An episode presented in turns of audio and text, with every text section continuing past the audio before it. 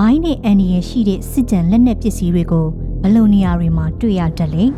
။မိုင်းနဲ့မပေါက်ကွဲသေးတဲ့စစ်ကြံလက်နက်ပစ္စည်းတွေကိုတိုက်ပွဲဖြစ်ဖို့တဲ့နေရာတွေ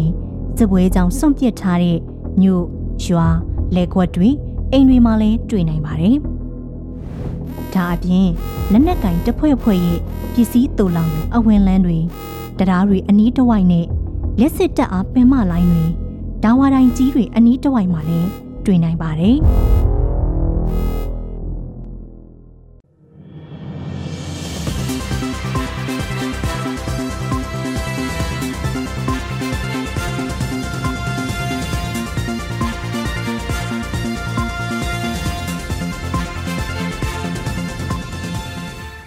မင်္ဂလာပါခင်ဗျာ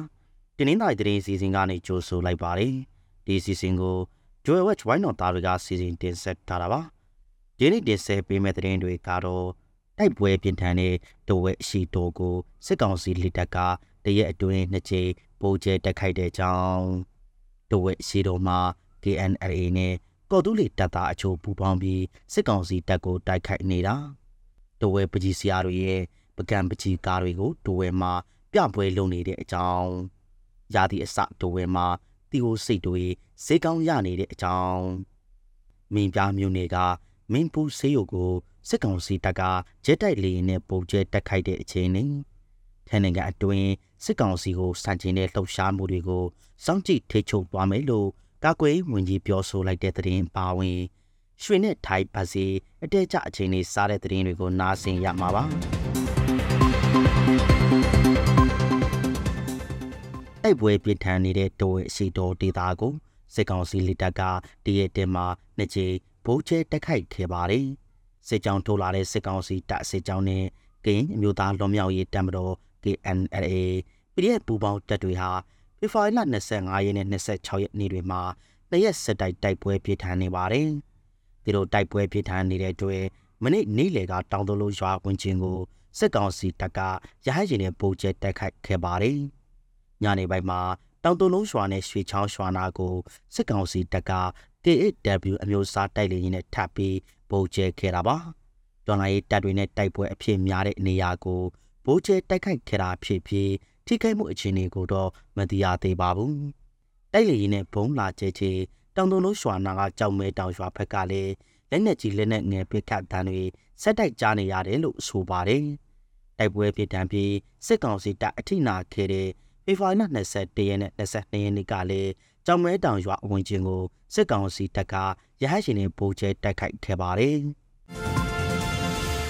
တဝက်ရှိတော်ဒေသမှာတိုက်ပွဲတွေပြင်းထန်နေတဲ့အချိန်မှာပဲကရင်အမျိုးသားလွန်မြောက်ရေးတပ်မတော် KNLA နဲ့ကော်တူးလီတပ်မတော် KTLA တပ်ဖွဲ့ဝင်အချို့ပူးပေါင်းပြီးစစ်ကောင်စီတပ်ကိုတိုက်ခိုက်နေပါတယ်။ဇန်နဝါရီလ24ရက်နေ့ကတဝက်ရှိတော်ဗန်ချောင်းဒေသရှိစစ်ကောင်စီတပ်ရဲ့ကြောက်ထုစခန်းကိုတိုက်ခိုက်သေးပိုက်ပြီးနောက် အခုလိုပူပေါင်းပြီးစီးရိတ်ဖော်ဆောင်လာတာလို့ဆိုပါတယ်။ပြီးခဲ့တဲ့နှစ်ကတော့ KNLA နဲ့ KTLA တို့စီးရိတ်တင်မာခဲ့ပြီးပိကတ်တိုက်ခိုက်မှုအချို့ရှိခဲ့ပါတယ်။လက်ရှိမှာ KTLA တပ်ဖွဲ့နှစ်ဖွဲ့က AR50 လောက်က KNLA နဲ့ပူးပေါင်းပြီးတိုက်ပွဲဝင်နေတာဖြစ်ပြီးခေါင်းဆောင်ဘက်တွေမပါဝင်သေးဘူးလို့ဆိုပါတယ်။လက်တလုံးမှာတော့စီးရင်ရပူပေါင်းလှုပ်ဆောင်တာပဲရှိသေးတယ်လို့နှစ်ဖက်တပ်ဖွဲ့ကပြောဆိုထားပါတယ်။ ဖေဖော်ဝါရီလ19ရက်နေ့ကတည်းကဖြစ်ပွားနေတဲ့တဝက်အရှိတော်ဒေသတိုက်ပွဲတွေမှာ KNLAP ရဲ့ပူးပေါင်းတပ်တွေနဲ့ KTLA တပ်ဖွဲ့အချို့လည်းပါဝင်တိုက်ခိုက်နေတာပါ။တဝဲသားပကြီးစရာ၄ယောက်ရဲ့ပကံဒေသအလှပကြီးပြပွဲကိုတဝဲမြို့မှာပြုလုပ်နေပါတယ်။တဝဲတူပကံအမီနဲ့ရေဆေးပကြီးပြပွဲကိုအခုလ24ရက်နေ့ကနေမလ2ရက်နေ့ထိတဝဲမြို့စန်းချီရက်ကလိုက်ခတ်တံပကြီးပြခန်းမှာပြုလုပ်နေတာပါ။ အဲ့ဒီပကြီးပြပွဲမှာတဝဲသားပကြီးဆရာတွေဖြစ်တဲ့ကရဝေဦးလှရွှေလီယိုစော့အဲပကြီးတန်ထေပကြီးဇာနီဆိုမိုးရဲ့လေယာတွေကိုပြသနေတာပါ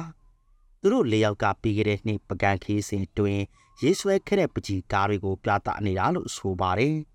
ပကြီးဆရာတအူးကိုဆက်ကားနှုံနဲ့စုစုပေါင်းပကြီးကား40ပေါင်ပြသထားပြီးပြပွဲတာရီယာရက်မှာ25ရှာခိုင်နှုန်းရောင်းထွက်သွားပြီလို့ဆိုပါတယ် အခုနှစ်ရာသီအစတဝဲမှာဒီဟိုစစ်တွေစေးကောင်းရနေပါတယ်။ပြီးခဲ့တဲ့နှစ်ဖေဖော်ဝါရီလဒီဟိုရာသီအစားကဒီဟိုစိတ်တပိတ်သားကို2500ကျပ်အဝင်ကျဈေးဖွင့်ခဲ့ပြီးဒီနှစ်မှာတော့9500လောက်ပေါက်ဈေးရှိနေတာပါပြီးခဲ့တဲ့နှစ်ကဒီကိုစိတ်အထွေနေတယ်လို့ဈေးလဲနေခဲ့ပြီးဒီနှစ်မှာတော့အထွေများတယ်လို့ဆိုပါတယ်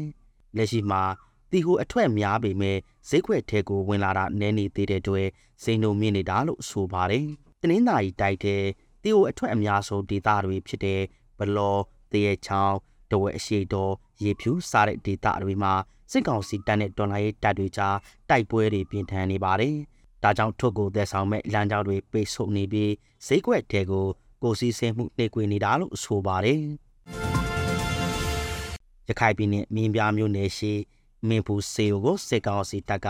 ဒီနေ့မနေ့ကဂျက်တိုက်လေးနဲ့ပုံကျက်တက်ခိုက်ခဲ့ပါတယ်။လေကြောင်းတက်ခိုက်မှုကြောင့် စေယိုရဲ့အဆောက်အဦအများစုထိခိုက်ပျက်စီးသွားပြီးစေဝါကူတာမှုခံယူနေကြတဲ့အရသာပြည်သူတွေစေယိုဝန်တန်းတွေတရားတွေပြင်းပြထန်ထန်ရသွားကြတယ်လို့ရခိုင်တပ်တော် AA ကထုတ်ပြန်ပါတယ်။အဲဒီစေယိုမှာဖမ်းမိထားတဲ့စစ်ကောင်စီတပ်သားတွေနဲ့သူတို့ရဲ့မိသားစုဝင်တွေကိုစေကူတာပေးနေတဲ့အရဖက်စေယိုဖြစ်တယ်လို့လည်းဆိုပါတယ်။ရခိုင်ပြည်နယ်ကစစ်ကောင်စီတပ်မှတိုင်ရင်ဌာနချုပ်စစ်ဘက်ရဲဘက်စခန်းတွေနဲ့မြို့တွေအသေးခံရပြီးနောက် လေကြောင်းကတိုက်ခိုက်တာတွေဆက်တိုက်လို့ဆောင်နေတာပါ